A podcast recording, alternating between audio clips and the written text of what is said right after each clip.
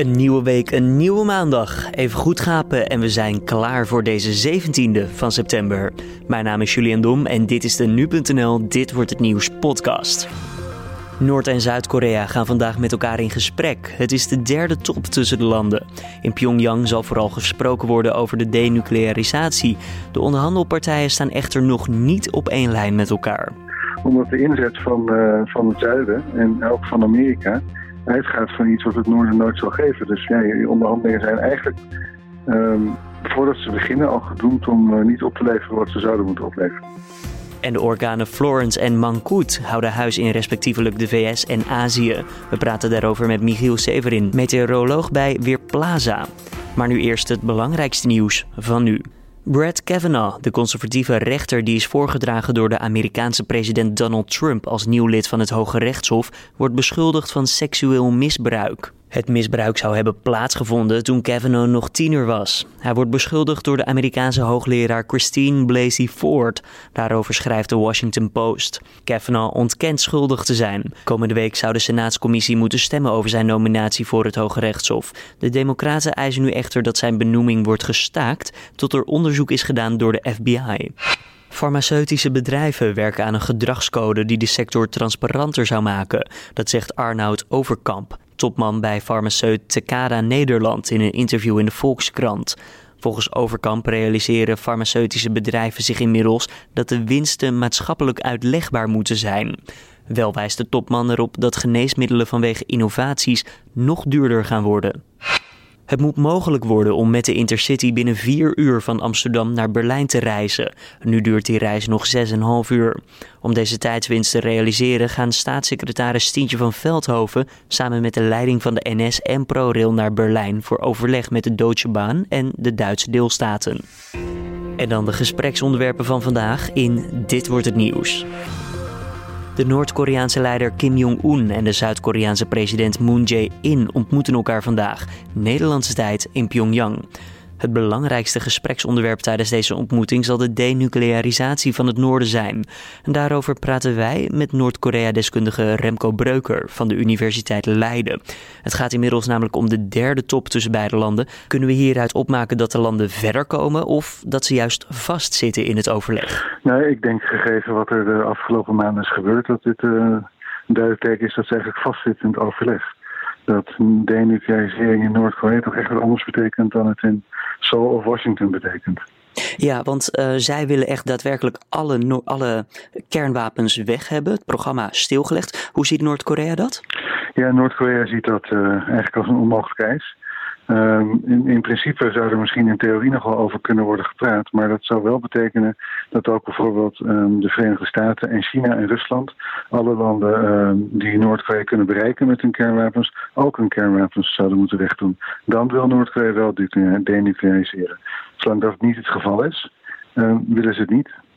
En toch, Kim heeft onlangs ook nog gezegd dat hij in deze ja, regeringsperiode van Donald Trump, de Amerikaanse president, toch wel stappen wil zetten. Maar dat is dan niet eigenlijk voldoende. Nou, ik wil zeker dat hij stappen wil zetten. Wat hij wil is dat hij uh, de facto of de jure wordt erkend als, als uh, een kernmogendheid. En het verder doorontwikkelen van, van de kernwapens ook stilgelegd. En dat zijn de stappen waar hij het over heeft. En hij zou ook nog best wel eens, denk ik, um, beloftes willen doen. dat, hij het niet, dat hij de kennis niet doorverkoopt aan andere landen of groeperingen dat de lange afstandsraketten bijvoorbeeld worden ontmanteld, zodat Amerika niet meer binnen bereik van Noord-Korea valt. Dat soort dingen wil hij, uh, dat soort stappen, daar is hij denk ik wel toe bereid. Maar nogmaals, het, het opgeven van de kernwapens, dat is echt, is echt niet, niet in vragen voor, voor de, voor de Noord-Koreanen.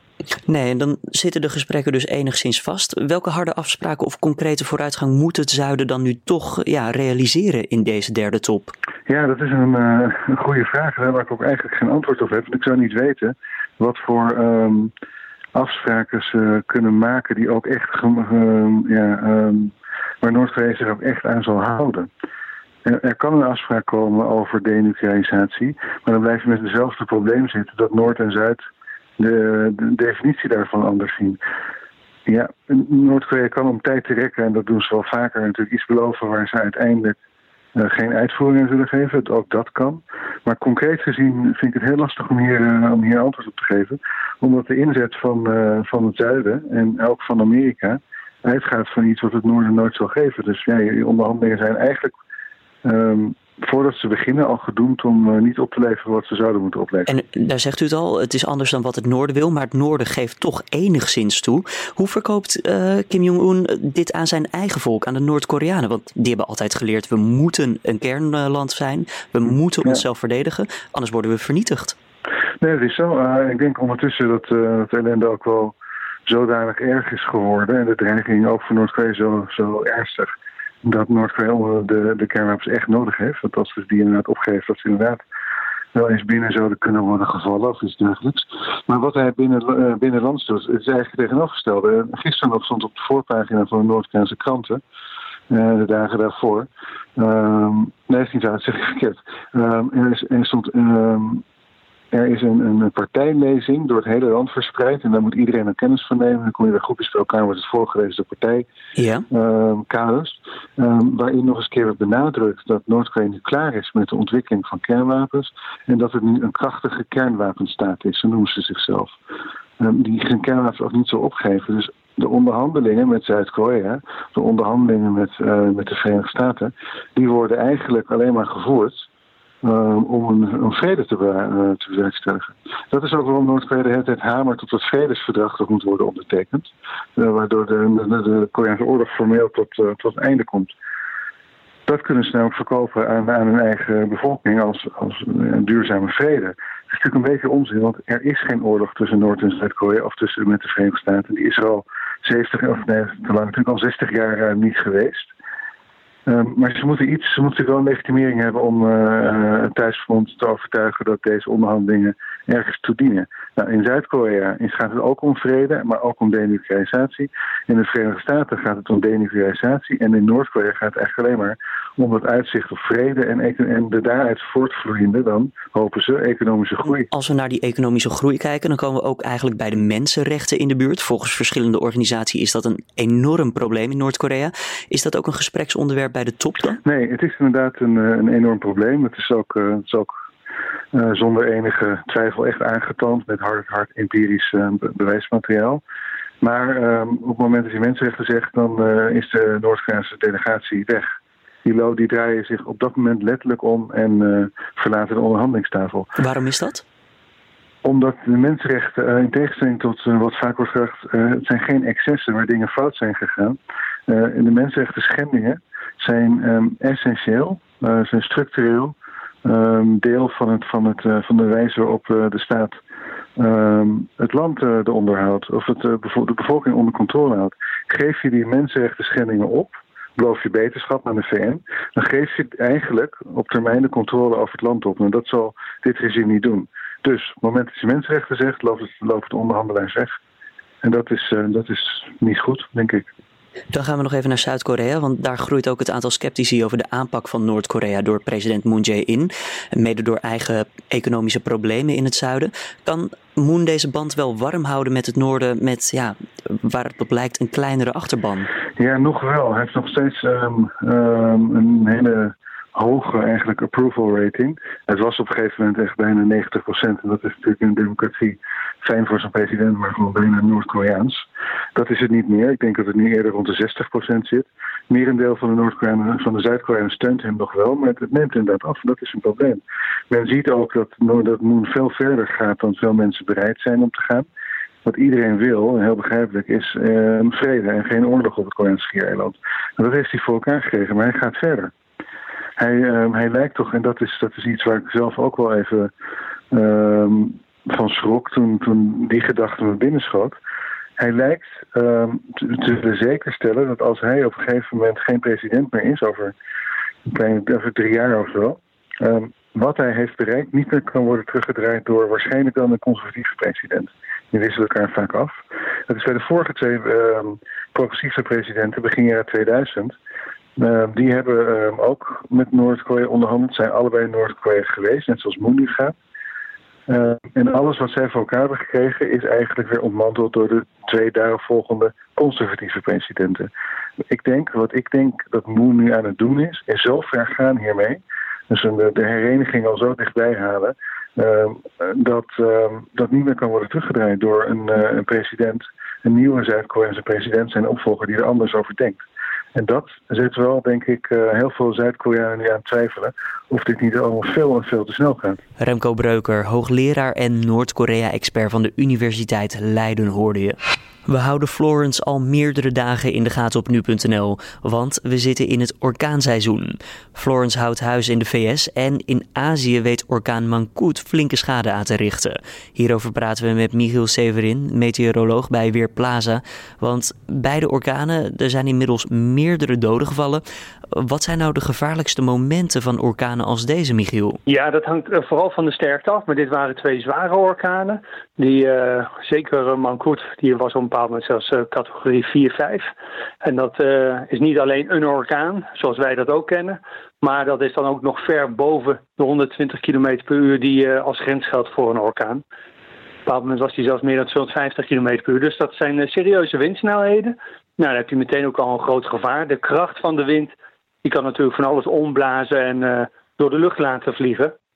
Maar wat we heel vaak zien is dat ook de regenval een groot probleem is. De regenval valt op zo'n groot gebied zoveel water dat het water eigenlijk uh, amper weg kan komen. En als het wegkomt, dan gaat het natuurlijk naar het laagste punt. En daar komt er zoveel water dat je grote overstromingen krijgt.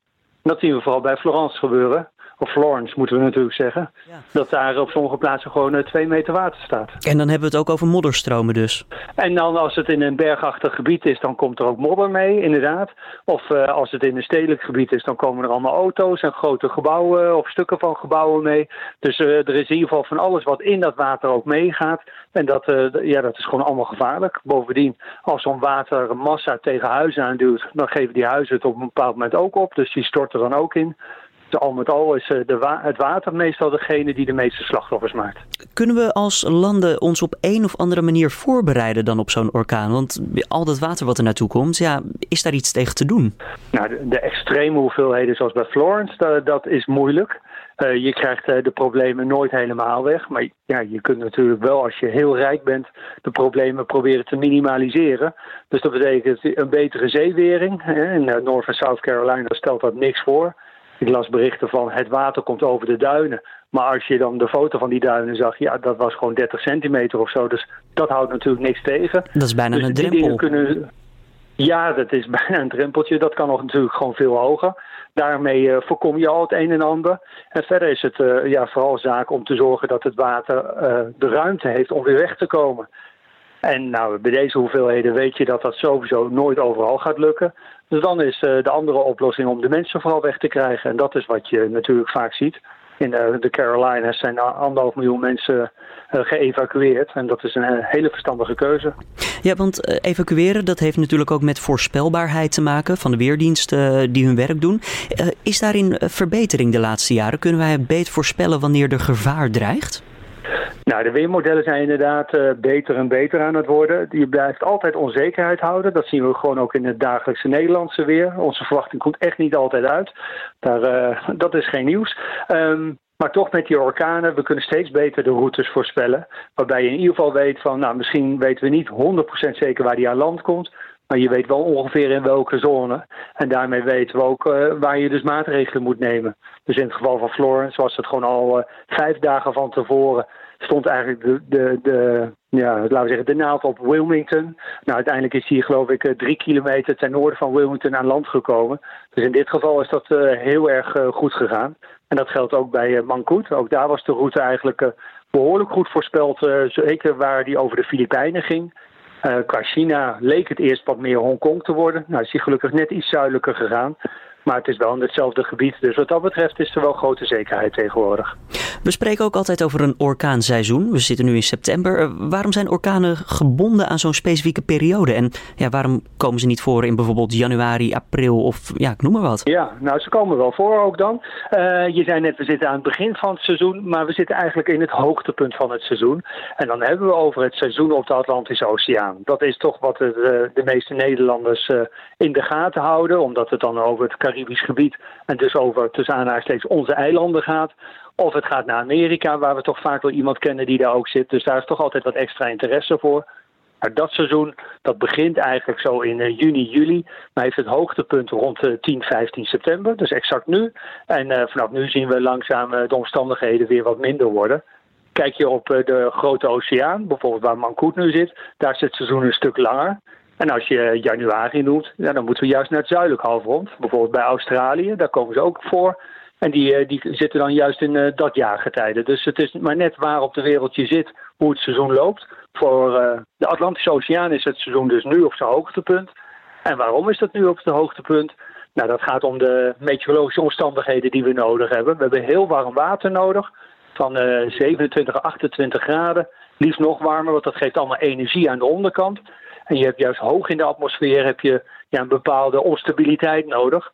En juist in het uh, ja, begin van het najaar komen die twee elkaar tegen. En dan uh, is de kans op de vorming van uh, orkanen het grootst. Zitten we dan nu ook, als je zegt we zitten op het hoogtepunt, zit er nog iets ergs aan te komen in het verschiet in, op de Atlantische Oceaan? Of zijn we redelijk klaar mee nu? En er zullen er ongetwijfeld nog een paar ontstaan. En uh, ja, of die heel erg wordt, dat weet je nooit van tevoren. Dat kunnen de modellen nog niet aangeven.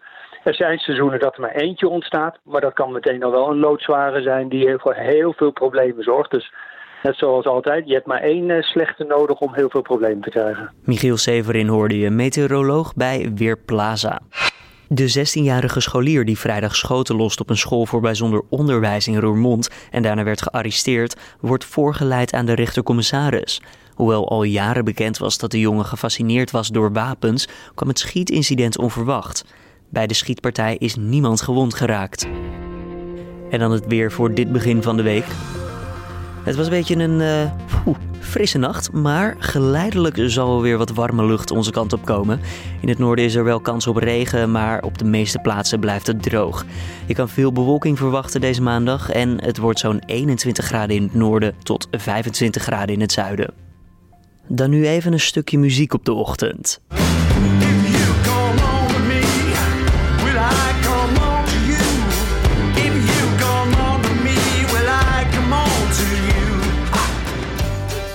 Dat was een stukje Come On To Me, de eerste single van het nieuwe album van Paul McCartney.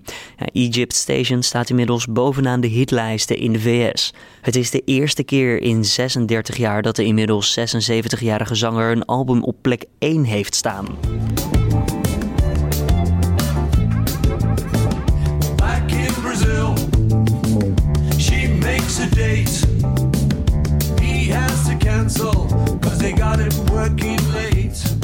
Op de plaat maakt McCartney soms wat kleine uitstapjes, zoals je hoorde met Back in Brazil. Een nummer dat Rolling Stone beschrijft als een ja, electro samba detour.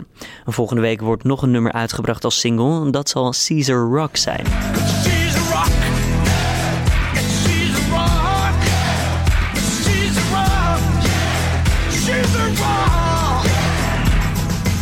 Het album is de achtste plaat van McCartney op eigen titel, waarmee hij plek 1 weet te bemachtigen in de hitlijsten. En in Nederland kwam Egypt Station afgelopen week binnen op nummer 2. Hier moet de ex-Beatle enkel Eminem met Kamikaze voor zich laten. Dit was dan de Dit Wordt Het Nieuws podcast van deze maandag 17 september. Je vindt de podcast maandag tot en met vrijdag om 6 uur ochtends op nu.nl. En wat vond je van deze uitzending? Laat het ons weten. Dat kan natuurlijk via redactie.nu.nl of laat een reactie achter in je eigen favoriete podcast app. Mijn naam is Julian Dom en voor nu een goede maandag en tot morgen.